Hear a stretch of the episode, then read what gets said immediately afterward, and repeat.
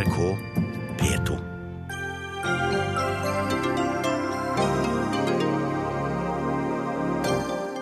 Norsk naturgass er en del av løsningen på klimaproblemet, sier oljebransjen i en ny film.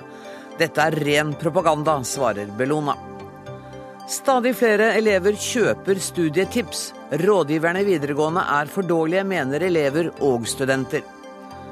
I Asker og Bærum må politiet rykke ut når frisørkunder nekter å betale. Det finnes ikke noe sted med flere nabokrangler om bagateller, mener Ingebrigt Sten Jensen.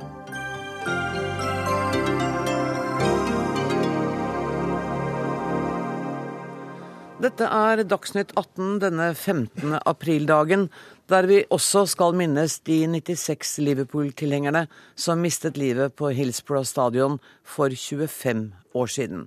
Men aller først. Norges naturgass er en del av klimaløsningen, sammen med massiv satsing på fornybar energi. Derfor må vi satse på å forbli en langsiktig og stabil gasspartner for Europa, både når det gjelder produksjon og infrastruktur. Siden dagens brønner går tomme, må vi fortsette å lete etter olje og gass. Slik kan Norge være med og danne grunnlag for en bærekraftig global energiforsyning. Så er vi ikke et så lite land i verden likevel. Slik lyder den norske oljebransjens svar på FNs tredje klimarapport som kom for noen dager siden. Filmen er bare fire minutter lang, men mer tid trengs ikke for å hisse på seg meningsmotstanderne. Bellona er blant dem som er sterkt kritiske og kaller filmen for propaganda. Hildegunn Blindheim, du er fagsjef i Norsk olje og gass, som altså er bransjeorganisasjonen til norsk oljenæring. Hva, er, hva vil du si er hovedbudskapet i filmen deres? Eh, vi har laget denne filmen fordi det har vært en meget aktiv klimadebatt etter eh, valgkampen her i Norge. Og det er vel bra? Og det syns vi er kjempeflott. Eh, men i det også så har vi sett at forslaget om å fase ned norsk olje- og gassproduksjon har ofte blitt presentert som god, et godt klimatiltak. Og det vi vil vise med denne filmen, er at så enkelt er det dessverre ikke. Denne problemstillingen er langt mer kompleks enn som så. Og naturgassen er faktisk en del av klimaløsningen. Fordi verden er nødt til å få ned klimagassutslippene sine. Vi er samtidig nødt til å løse utfordringene med en raskt økende befolkningsvekst. Vi er nødt til å få til en god økonomisk utvikling på global basis, samtidig som vi er nødt til å sørge for god forsyningssikkerhet av et stadig økende behov for energi. Jeg hoppet av manuset ditt litt. Eh, for I filmen så sier dere at dere vil ikke bare fortsette å utvinne olje og gass fra eksisterende kilder, men dere vil finne nye. Er det god klimapolitikk? Ja, for her snakker vi ikke om å øke produksjonen på norsk sokkel. Her snakker vi om å opprettholde en produksjon. Men er ikke noe av eh, poenget at den bør ned på litt lengre sikt? Ja, men vårt poeng er at det er ikke norsk naturgass- og oljeproduksjon som bør fases ut. Det FNs... bør, den opprettholdes i, unnskyld, bør den opprettholdes i overskuelig fremtid? Ja, i hvert fall i forhold til når vi ser på, på tidsaspekter som fram til 2050, så er det ingen tvil om alle de seriøse scenarioene som, som prøver å anslå hva slags energimiks verden er nødt til å ha for å greie å møte energibehovet. I 2050 så snakker vi om en betydelig andel fossil energi. Eh, det er kullet som er nødt til å fases ut i størst, absolutt størst grad. Og det rapporten til FNs klimapanel som nå kom ut på søndag også er tydelig på, er at her, dette er et veldig alvorlig og viktig budskap. Vi er nødt til å sette alle kluter til for å få til de klimagassreduksjonene på verdensbasis som vi trenger. Naturgass i stedet for kull er en del av løsningen. Det er FNs klimarapport også tydelig på. Eh, og da har vi rett og slett ikke råd til å la være å bruke de tiltakene, fordi vi er nødt til å begrense utslippene for å unngå de verste klimakonsekvensene for verden. Fredrik Hauge, er dine argumenter bare litt sure og bakstreverske når du nå kritiserer dette? For det er jo riktig som hun sier, at det er kull som først og fremst må reduseres. Vi må faktisk redusere begge deler. Og dette er en stor og omfattende rapport som er svært alvorlig. Og det at Norsk olje og gass som interesseorganisasjon velger å gå ut med en tegnefilm dagen etterpå, det sier mye om hvor mye lang tid de har brukt på å sette seg inn i dette. De utfordringene som blir beskrevet i den siste klimarapporten, eh, viser helt klart at ja, vi kan bruke gass, eh, og det er heller ikke Bellona imot, i noen tid framover dersom det erstatter kull. Så der er dere enige, faktisk? Ja, men, men, det som blir problemet her, er at vi snakker da i tidsperspektiv 2030-35. Det er altså veldig kort tid til i forhold til hvor lang tid det tar å lete, i forhold til å utvikle og produsere et gassfelt på norsk sokkel. Etter det så må alt ha CO2-fangst og -lagring. Det har ikke oljeindustrien klart å gjennomføre i Norge, og sånn sett skutt seg selv veldig i foten. Samtidig så ser vi en rivende utvikling innenfor andre energikilder. Og vi må huske på at de store økonomiene i verden de har mye nå, ikke minst EU, som er vår største kunde, på å bli selvforsynte på økonomi, økonomisk sett i forhold til fossil energi. Og det holder nå bl.a. Sol på å, å, å revolusjonere fullstendig. Men, men, hvis vi går tilbake til denne filmen som varer altså i drøyt fire minutter, og som gir en del faktiske opplysninger, er det ikke helt legitimt at en bransje på en måte begrunner sin egen eksistens, når den altså ikke er i konflikt med den siste klimarapporten? Jo, den er i konflikt med den siste klimarapporten, helt åpenbart. Ikke minst fremstillingen i denne filmen. Eh, nå er det slik at man her henviser til Det internasjonale energibyrået bl.a. med hvor mye eh, fossil energi som kan bli liggende igjen. Jeg tror også vi må være klar over at det er veldig konservative anslag i forhold til hva vi ser f.eks. analysebyrået Bloomberg går ut og sier om også internasjonale energibyrået. Til syvende og sist så handler dette om hvordan vi skal omstille oss. Det er ikke så veldig høy avkastning på de norske investeringene innenfor norsk olje og gass for tiden. Det er ikke slik at Snøhvit går så veldig bra økonomisk, eller at Åsta Hansteen-utbyggingen ser så veldig lysende ut. Grunnen til det er at vi får presset marginene av en revolusjon på sol. Den er bl.a. nå så stor. 64 av den nye energien som ble produsert i Kina i fjor, var fornybar energi. Nå begynner man å legge ned flere kullkraftverk i Kina enn man bygger pga. solenergirevolusjonen. Så la oss tømme de feltene vi har. La oss utnytte den infrastrukturen vi har. Men det er sånn at vi nå er i en investeringssyklus unna 2050. Og det å tro at vi skal løse klimaproblemene med gass, det forutsetter at alt kull blir lagt ned. Vi kommer til å måtte omstille oss. Og det, det, det er trist, syns jeg, når en interesseorganisasjon som Norsk olje og gass bruker en så alvorlig rapport på en så lettvint måte at man presenterer en tegnefilm dagen etterpå som sier bare 'kjør på, gass på'. Eh, det er faktisk sånn at denne rapporten utfordrer det norske samfunnet fundamentalt. Hilgen Blindheim, kjemper dere en tapt kamp? Nei. Eh, en ting er at vi kan rett og slett ikke sette oss ned og si at dette er en tapt kamp mot klimautfordringen. Men det miljøvernorganisasjonene også er nødt til å innse, er at naturgassen er faktisk en del av løsningen. Eh, Hauge sitter og snakker om tidsperspektiver fram mot 2030-2035, og det er bare tøys. Eh, naturgassen vil være en stor del av energimiksen fram til 2030 langt over 2050. Selv klimarapporten sier at eh, naturgassen vil være en del av, av enda, på enda lengre sikt når vi får til karbonfangst og -lagring. Og det er Hauge helt enig i. At vi er nødt til å få til karbonfangst og -lagring. Og det Hauge sier om at fornybar energi vokser utrolig kjapt og mye raskere enn det man trodde, det er helt riktig, og det er helt fantastisk. Samtidig så vokser energibehovet i verden langt mer. Og vi er nødt til å sørge for at det gapet mellom energibehovet og det, den formidable fornybarøkningen vi får til, ikke blir erstattet av kull.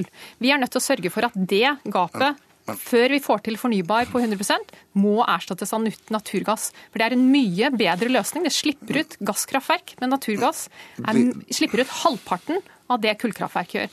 Ja, og, nå er Hauge nesten sprekkeferdig. Nå må han få slippe til. Men du legger til grunn mange forutsetninger her. og jeg, Det er bare å ønske dere lykke til videre i norsk olje- og gassindustri med de forutsetningene der. I 2009 så sa det tyske olje- og energiselskapet RVE at de skulle ikke satse på sol. I går solgte de all sin olje- og gassvirksomhet og sier helt klart vi skal satse på fornybart. Dette er markedene som forsvinner under bena på oss hvis ikke vi forstår eh, hva som holder på på å skje.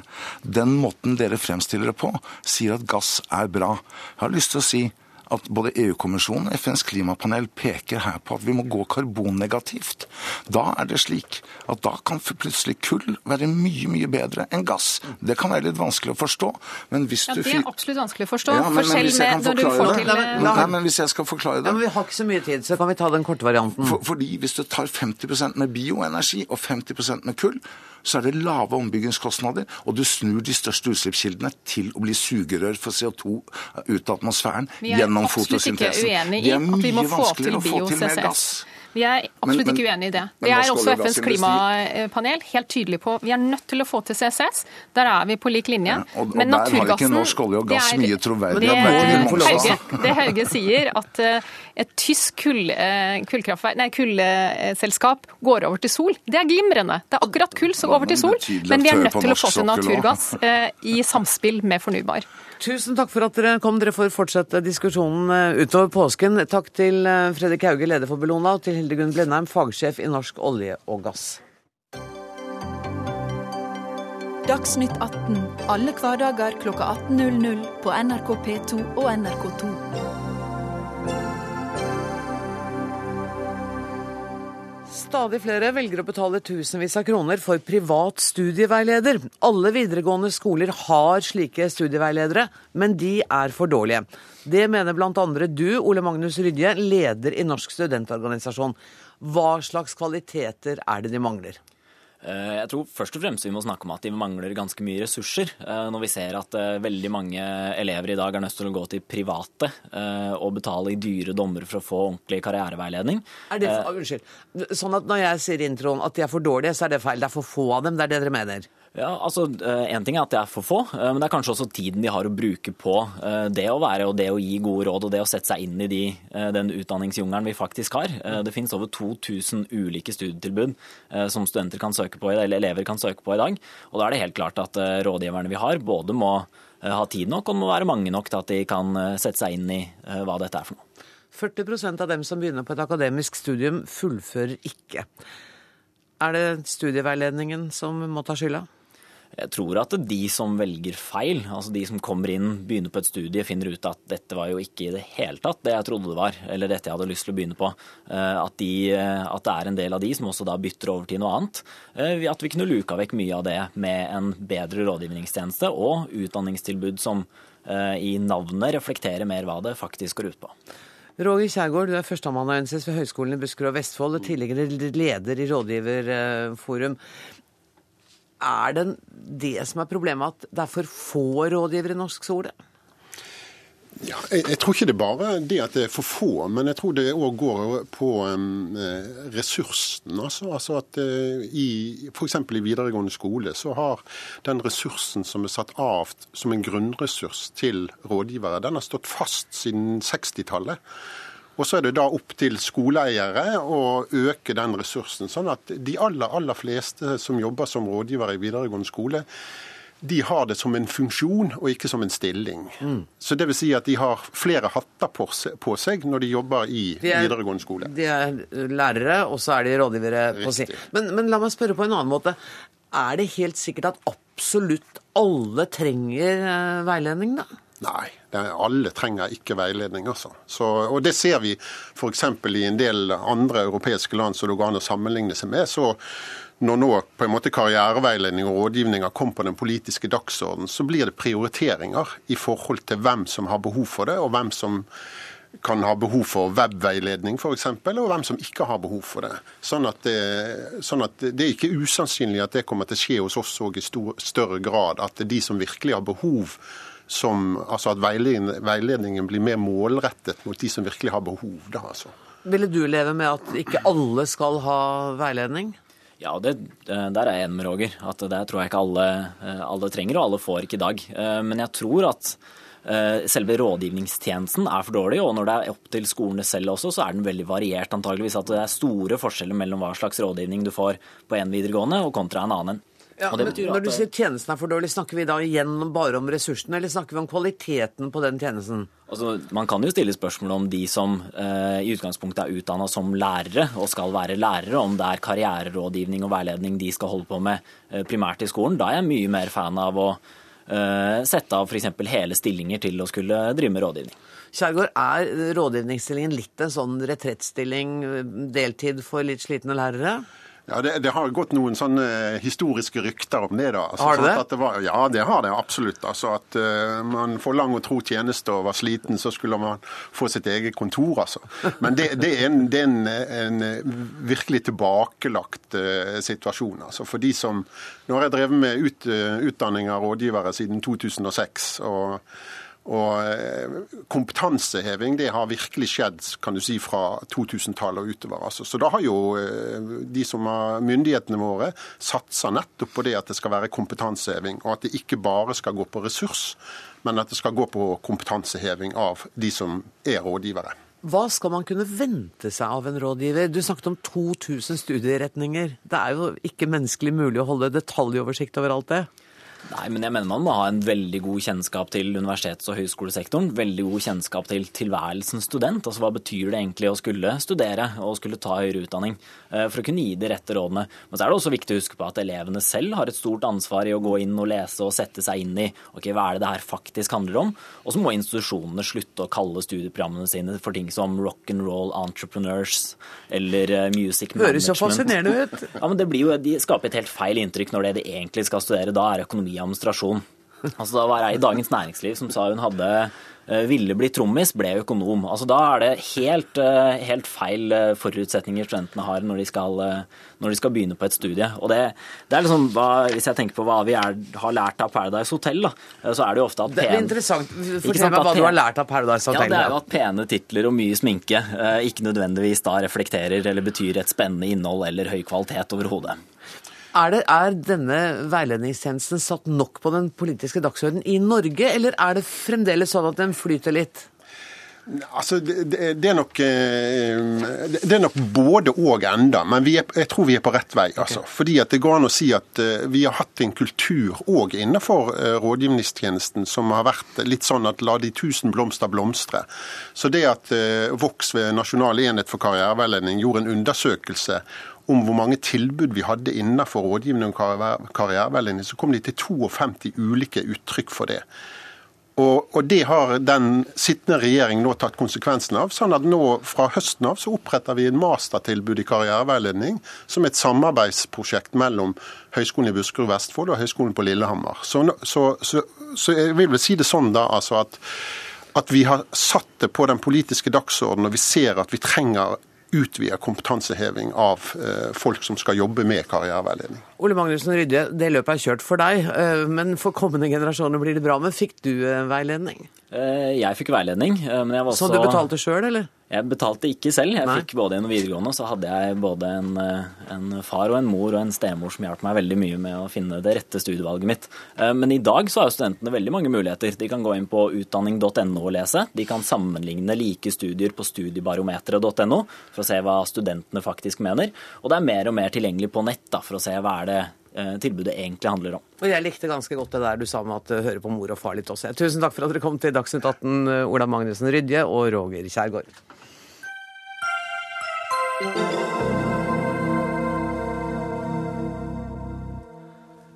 Vi rykker stadig ut for å håndtere det som viser seg å være bagateller, forteller politiet i Asker og Bærum.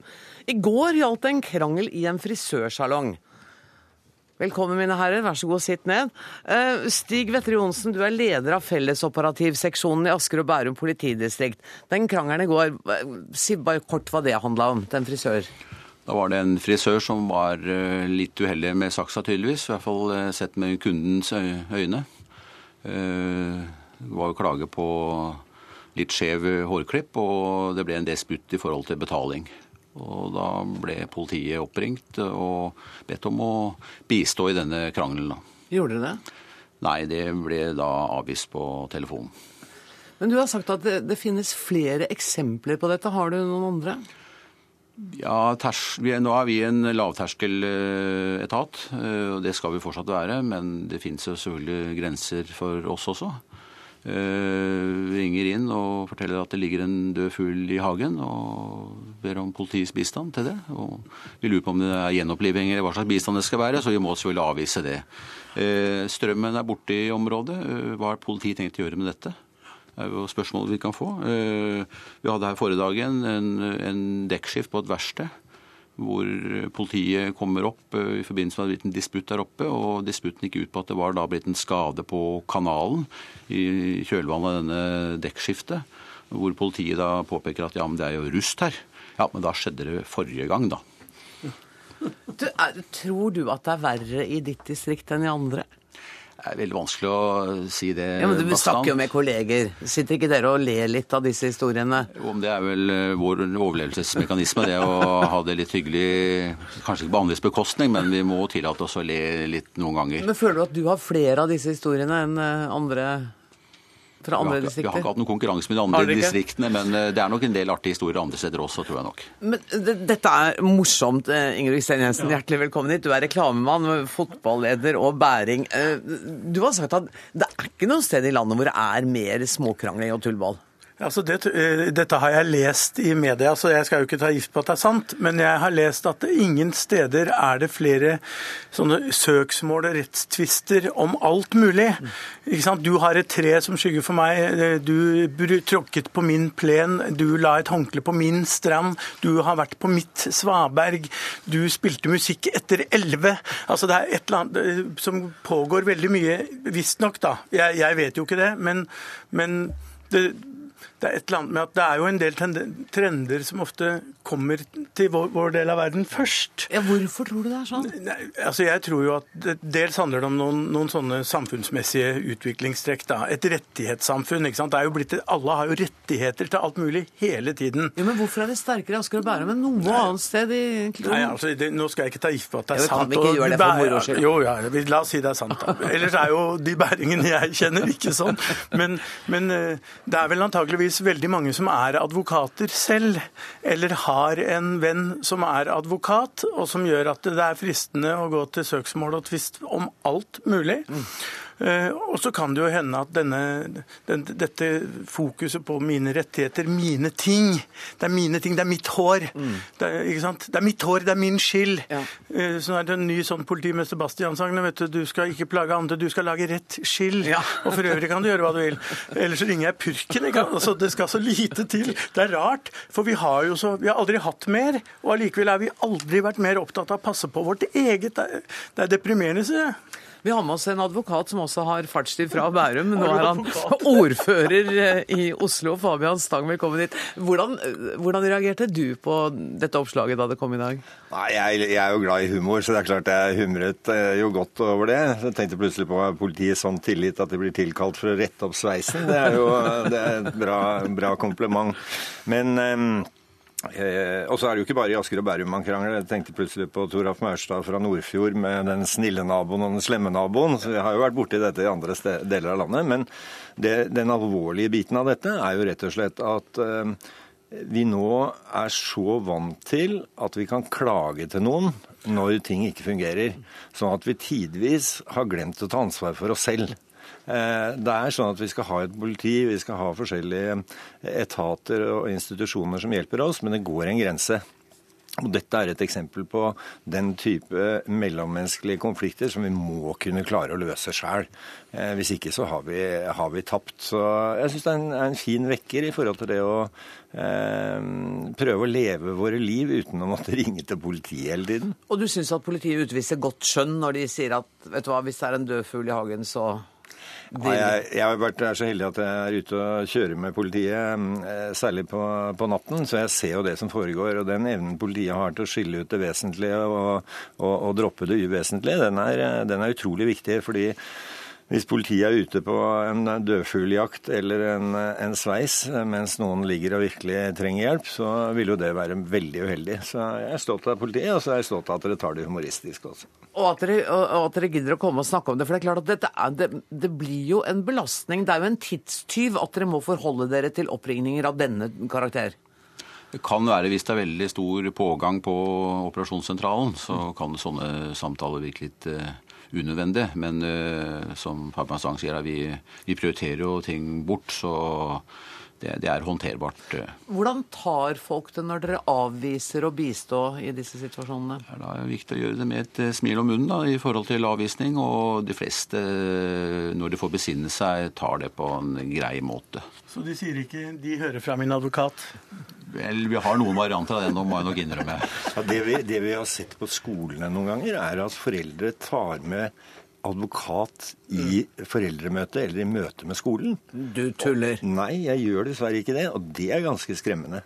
Eh, og jeg kan trøste politiet med at de eh, som ikke henvender seg til dere når de er misfornøyd med, med noe. Det hender at de skriver brev eller mail til meg. Jeg får, eh, jeg får mange oppgaver, jeg også. Da er det viktig å skille.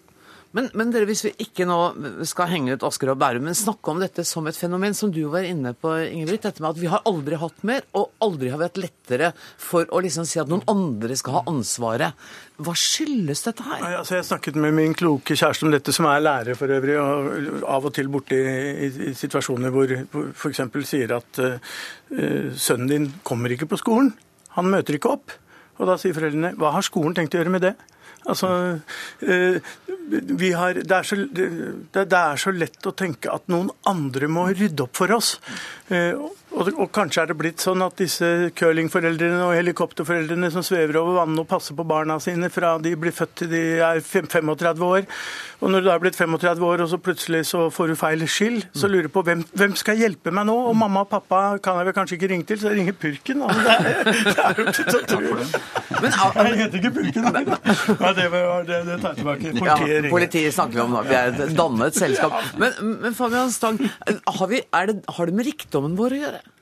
Eh, det har dels med rikdommen å gjøre, men jeg tror det har aller mest med den flotte samfunnsmodellen vi har, hvor vi har mange rettigheter. Eh, og Det er veldig bra, og det er veldig flott at vi ikke må stå med lua i hånda. Og det er veldig bra at vi har klageorganer, at vi kan få overprøvet osv.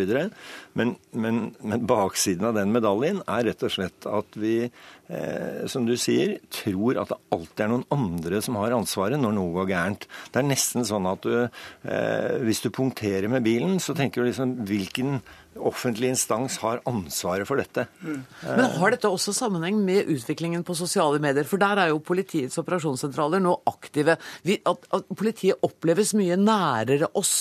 Vi, det er daglig masse twittermeldinger om alt som skjer, smått og stort.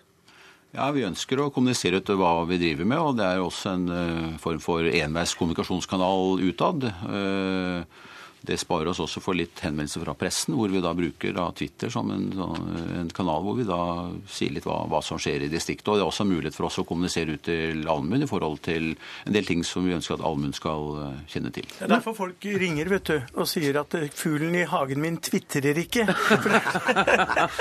Men jeg tror, jeg tror, heller det virker omvendt. Det at dere kommuniserer hvor mye dere har å gjøre, hvor mange spinnville oppdrag det er, bokstavelig talt, det tror jeg gjør at i hvert fall jeg ville tenke at de der har mer enn nok å gjøre. Jeg må ordne opp litt litt sjæl. Kanskje dere skal begynne å tvitre om det? Ja, kanskje det. Om, det, om det dere sier nei til av håpløsheter? Ja.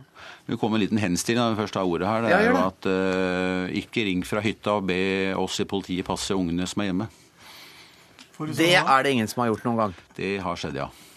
Ringer politiet og ber passe ungene når foreldrene har reist på hytta? Ja. Jeg syns at det er det minste vi kan henstille folk om. I hvert fall ikke gjøre det. Kan jeg få lov å ønske dere, mine herrer, en riktig strålende påske, og tusen takk for at dere kom til eh, Dagsnytt 18. Fabian Stang, Ingrid Steen Jensen og Stig Vetre Johnsen.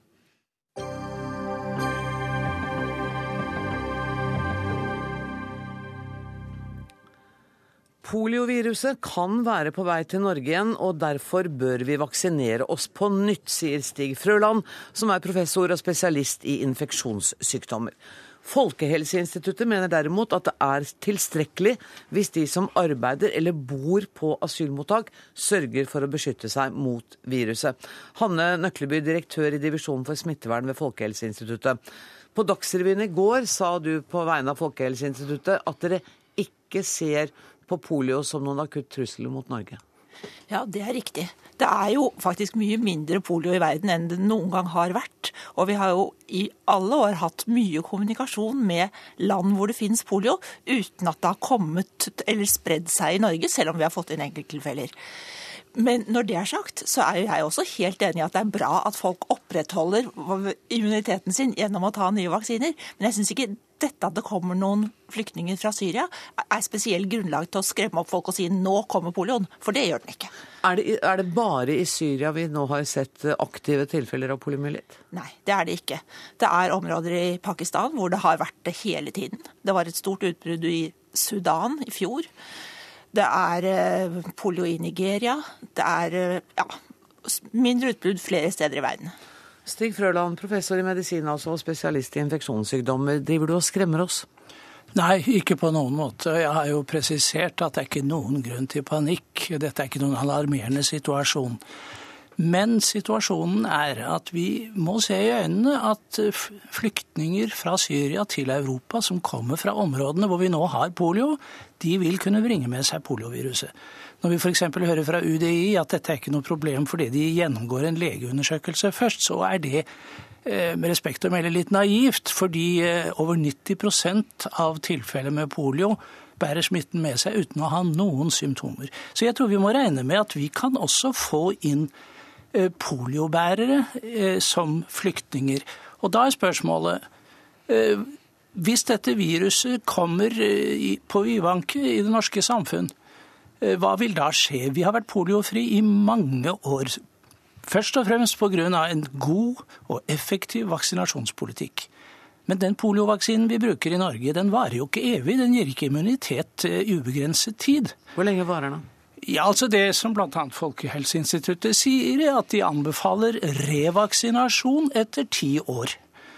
Og okay. jeg har vært infeksjonsmedisiner og hatt ansvar for pasienter i mange år. Og jeg vet at det er svært mange mennesker som ikke har sørget for å få påfyll med sin vaksine. Og jeg syns at dette var en gyllen anledning til å minne folk om at de skal se litt på sin vaksinasjonsstatus.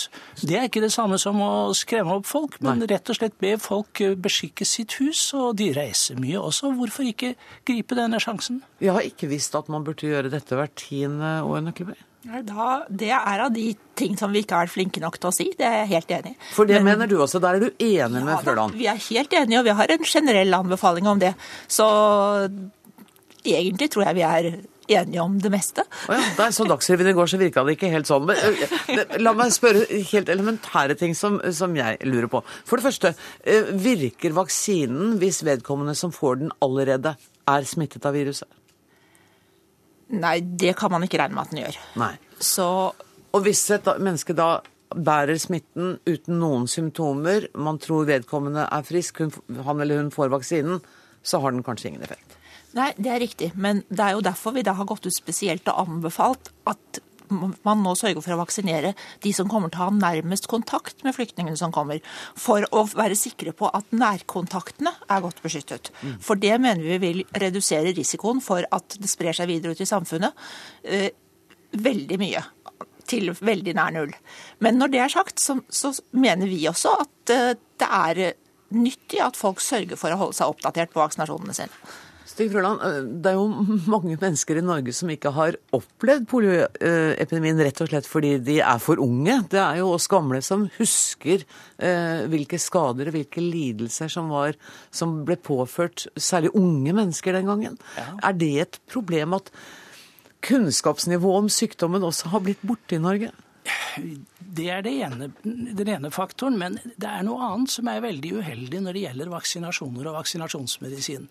Jeg er jo av de varme tilhengerne av vaksinasjon. Det er av legevitenskapens store fremskritt at man har fått kontroll over mange infeksjonssykdommer med vaksinasjon. Og da er det litt kjedelig, syns jeg, at i mange vestlige land, også i Norge, så er vaksinasjoner kommet litt i miskreditt, og det er flere forhold som ligger bak der. Man har blåst opp eh, bivirkningsrisiko. Mm. Man har hørt at man kan få autisme og MMR-vaksiner. Narkolepsi. Narkolepsi osv. Og, så og det har ført til at det er faktisk eh, i mange land, og også i Norge, en viss vaksinevegring. Kan det, kan det true folkehelsen? Ja, det er klart at det kan. For hvis, hvis prosenten i befolkningen som er godt beskyttet med en vaksine, kommer under et visst punkt, da risikerer vi epidemier. Og spørsmålet er om eh, man burde, f.eks. Folkehelseinstituttet, nå gjøre noen undersøkelser og se litt på hvor stor andelen av det norske folk er som ikke har fått det nødvendige påfyll. Jeg tror den kan være ganske betydelig. Ja, altså Bare ut fra egen erfaring så vil jeg tro den er ganske stor. Men, men, og der har jo dere kommunikasjons, en kommunikasjonsutfordring, da. Der har vi helt klart en kommunikasjonsutfordring. Og jeg tror mye av problemet er som du sier, dette at sykdommene forsvinner. Sånn at folk har glemt de sykdommene vi vaksinerer mot. Og da er det veldig lett å fokusere på det som måtte være av mistanker til vaksinen. Men heldigvis så ser vi at det slår foreløpig ikke ut i forhold til barnevaksinasjonsprogrammet. Der stiller folk opp, og vi har høy dekning og god immunitet i den unge delen av befolkningen. Men, det er vi glad for. Men bare for å ha spurt, er det, er det noen alvorlige, kjente bivirkninger av denne poliovaksinen? Nei. Nei. Det er noe av det snilleste vi har. Og da Et elementært spørsmål til. Hvordan smitter polio? Er det ved dråpesmitte som en influensa? Er det like hissig? Det er jo først og fremst en infeksjon som går i, altså den sitter i halsen, men går i tarmsystemet, sånn at den smitter som en omgangssyke f.eks. Okay. Og Det ser vi jo derfor også at du får de store utbruddene der hvor de har dårlige sanitære forhold. Mm. Det er en av utfordringene med tanke på ut, store utbrudd, og det er en av grunnene til at risikoen for noe større utbrudd er liten i Norge. Frøland.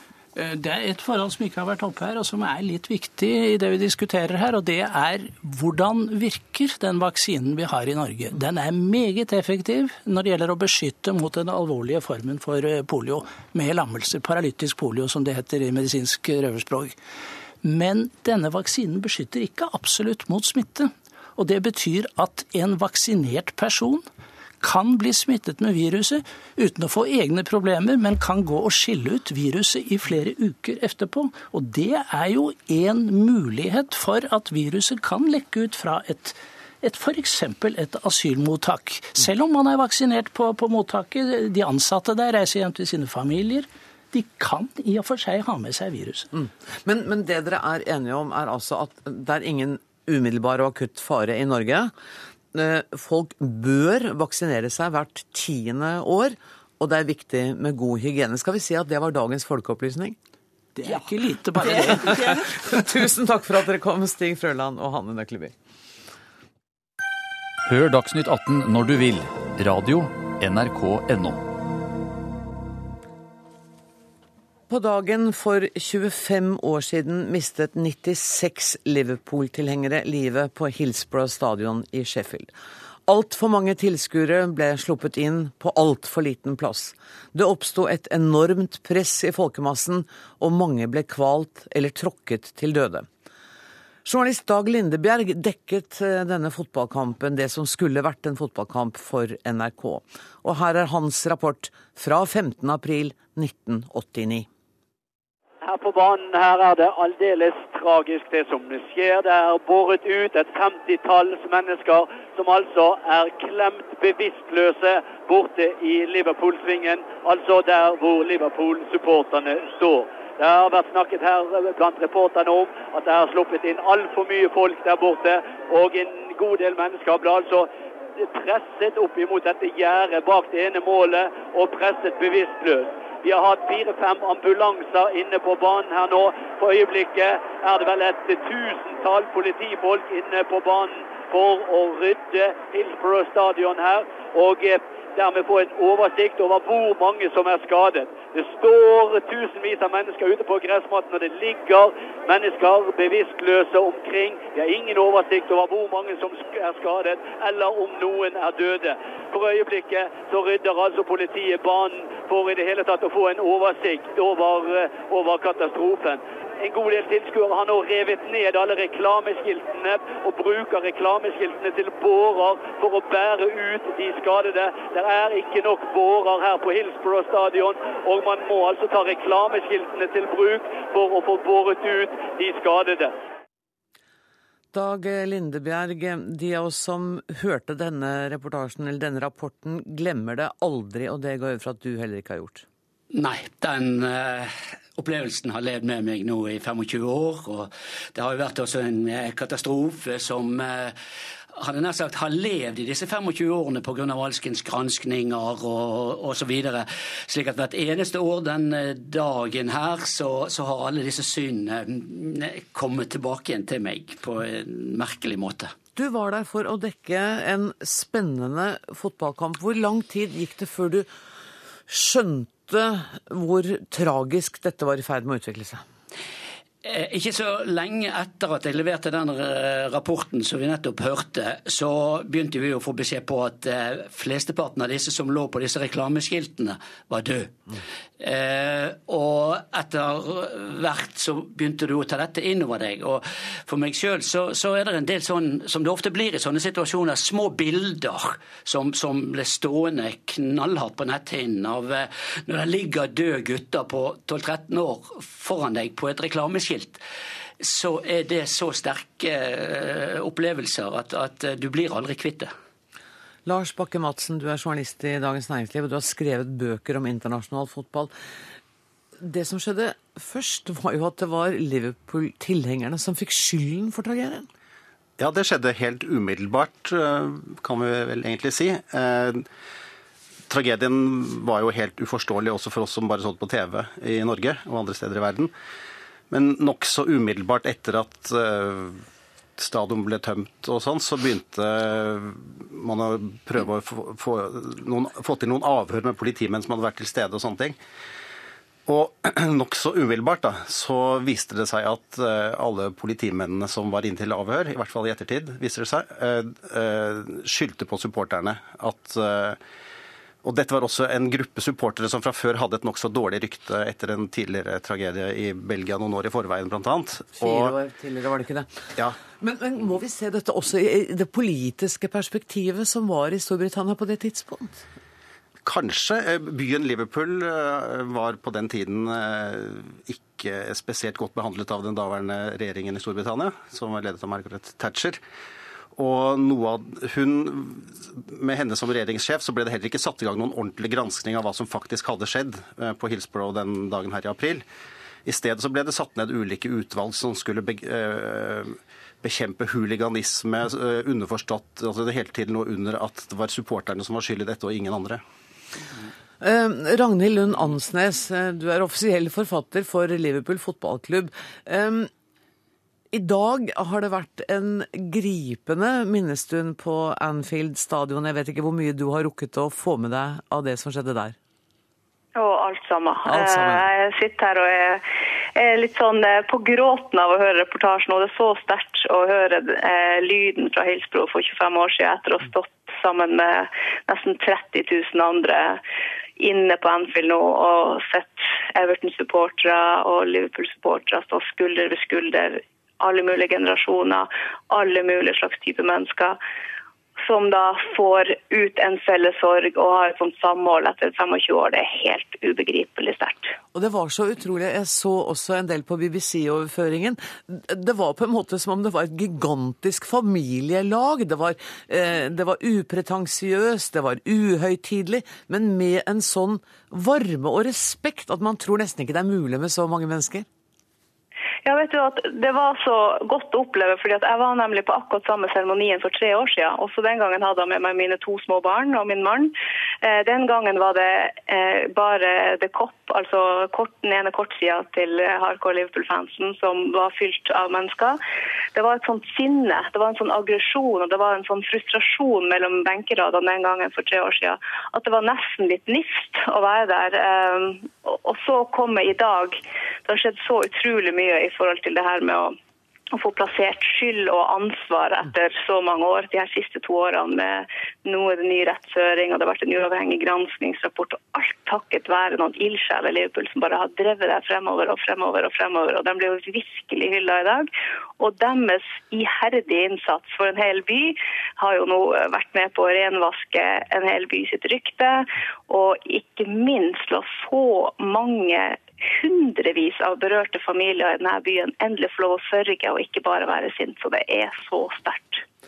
Vi skal litt en gang til tilbake til det som skjedde. For jeg vet at du kjenner Liverpool-keeper eh, Bruce Grobelar, som var den første som forsto hva som skjedde den tragiske dagen.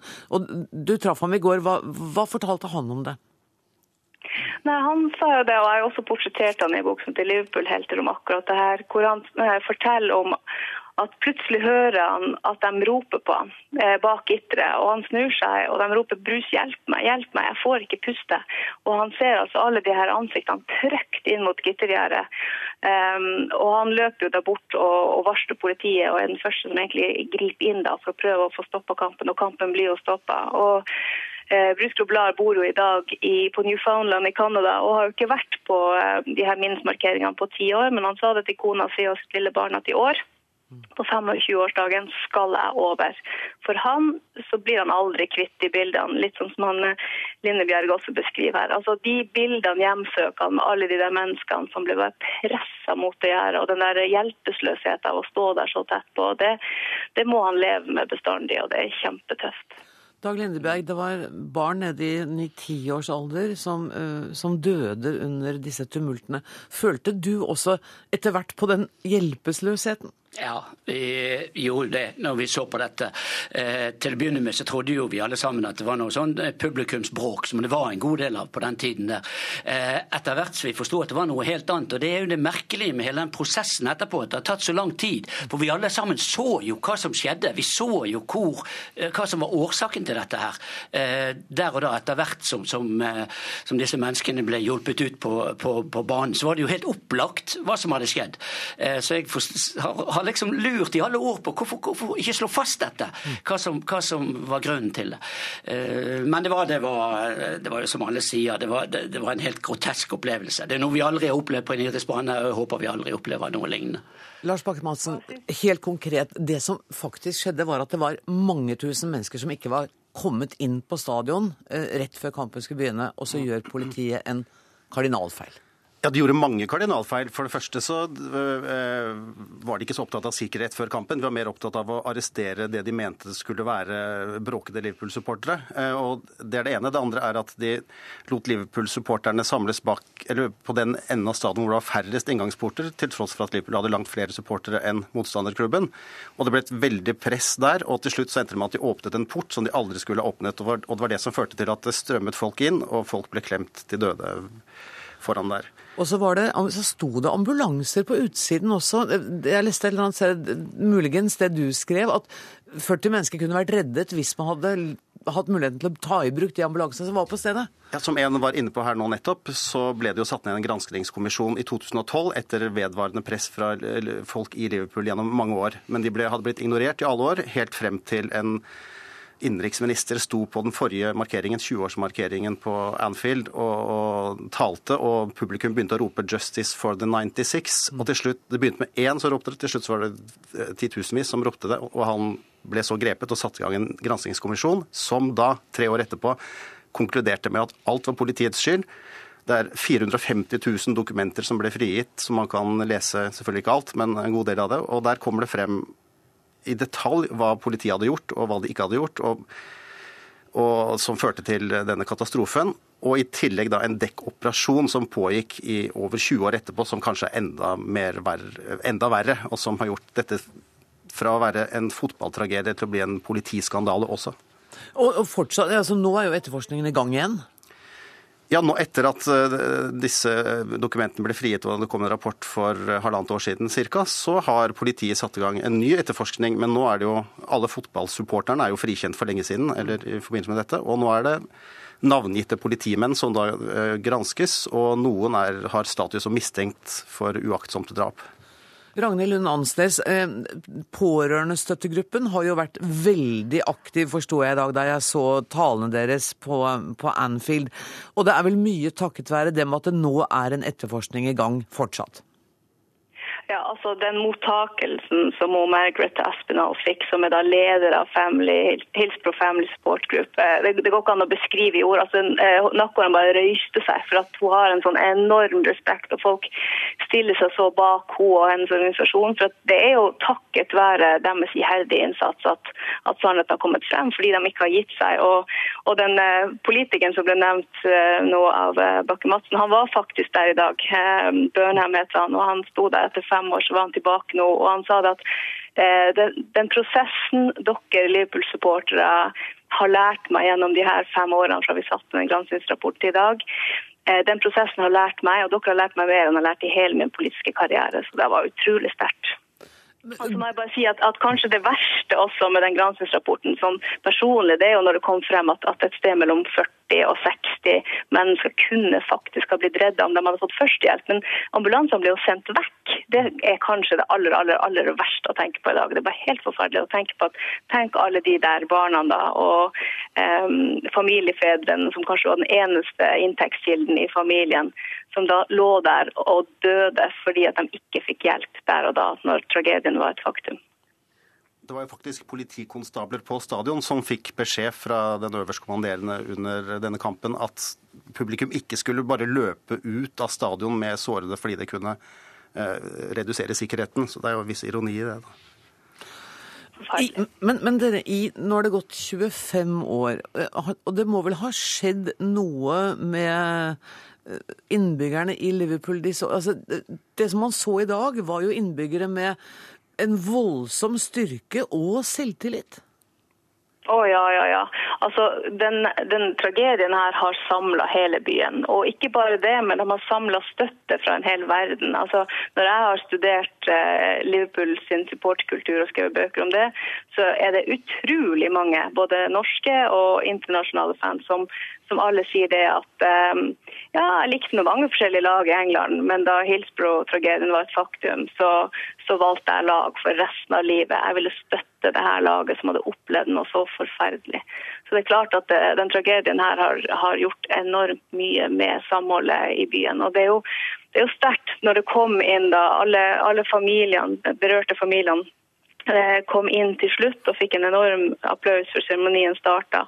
Og mellom to av de siste så ble det en enorm jubel når det kom, eh, kom et stort flagg hvor det sto 'Two clubs, one massive family'. Som da, og så var det selvfølgelig Liverpool og Everton sine klubbsymboler på det her digre flagget som ble båret inn. Og det var altså en enorm jubel på, på hele Anfield.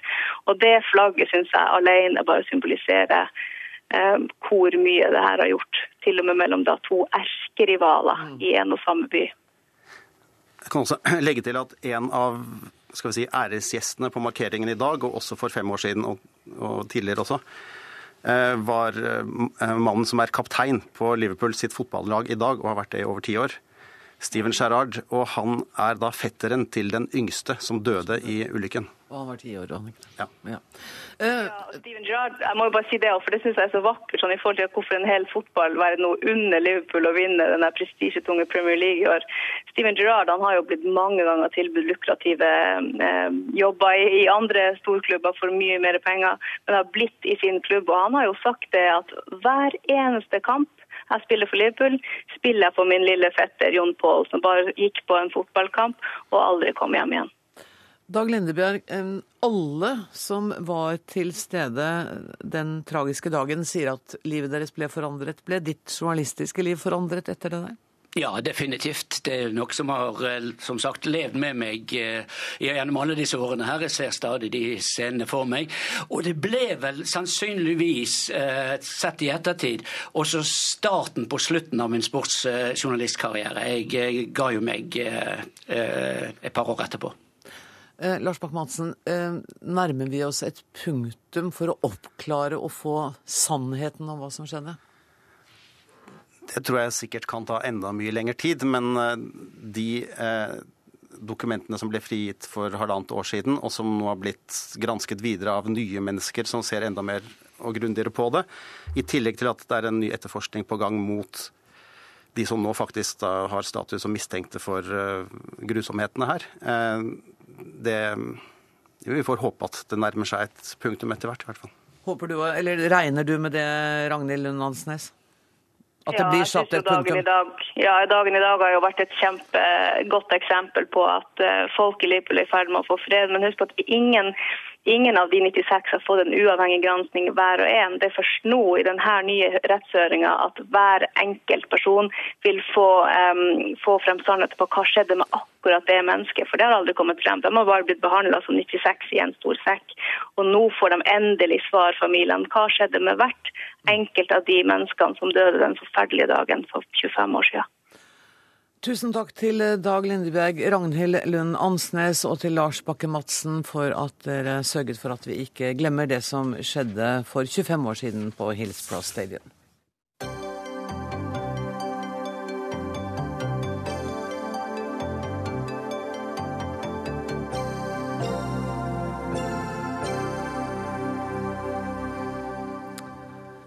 Helt til slutt i denne sendingen skal vi til Ukraina og situasjonen som i dag har tilspisset seg ytterligere. Jeg sa i går at den nå var så tilspisset at det var en reell fare for uh, krig.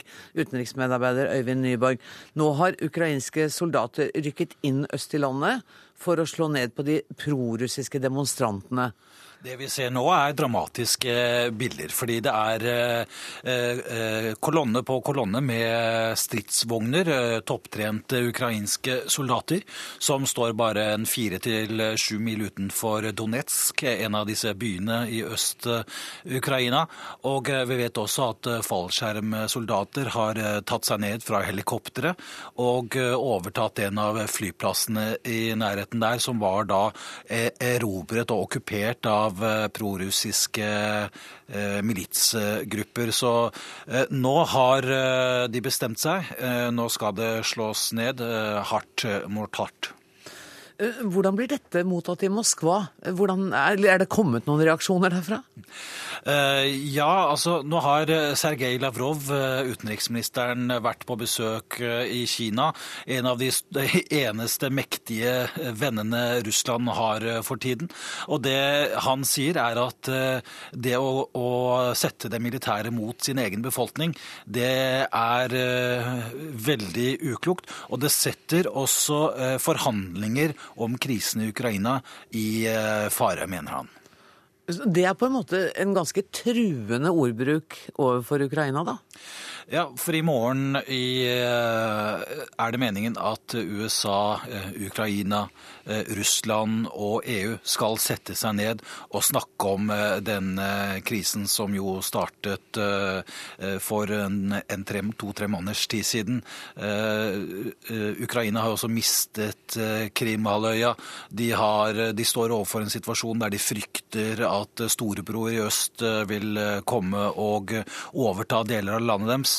Eh, og de står uten en eh, valgt eh, president. Så her er det mange usikkerhetsmomenter, og dette er jo en situasjon som har gjort at øst og vest er mer splittet enn noensinne. Ja, og, og midt i dette så, så, virker jo eh, president Putin steilere enn nesten noen gang. Altså, det, Hele verdenssamfunnet eh, tar avstand.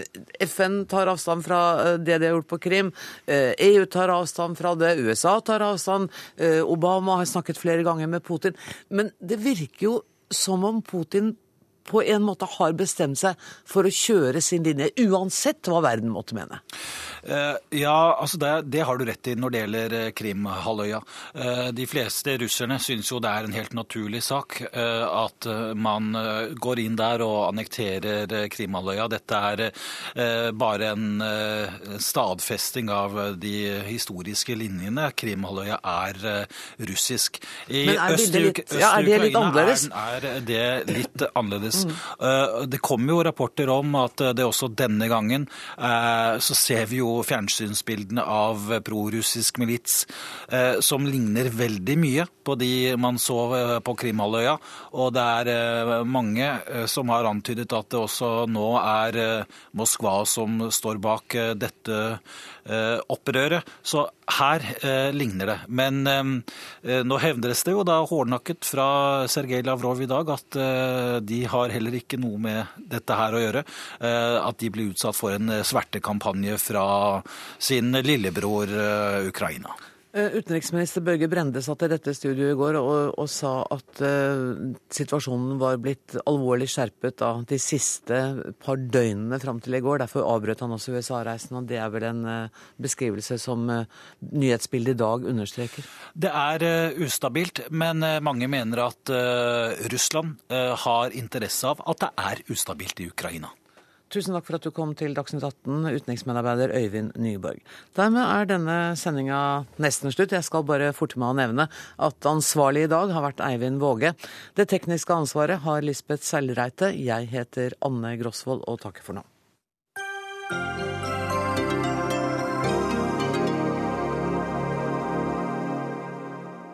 Hør flere podkaster på nrk.no podkast.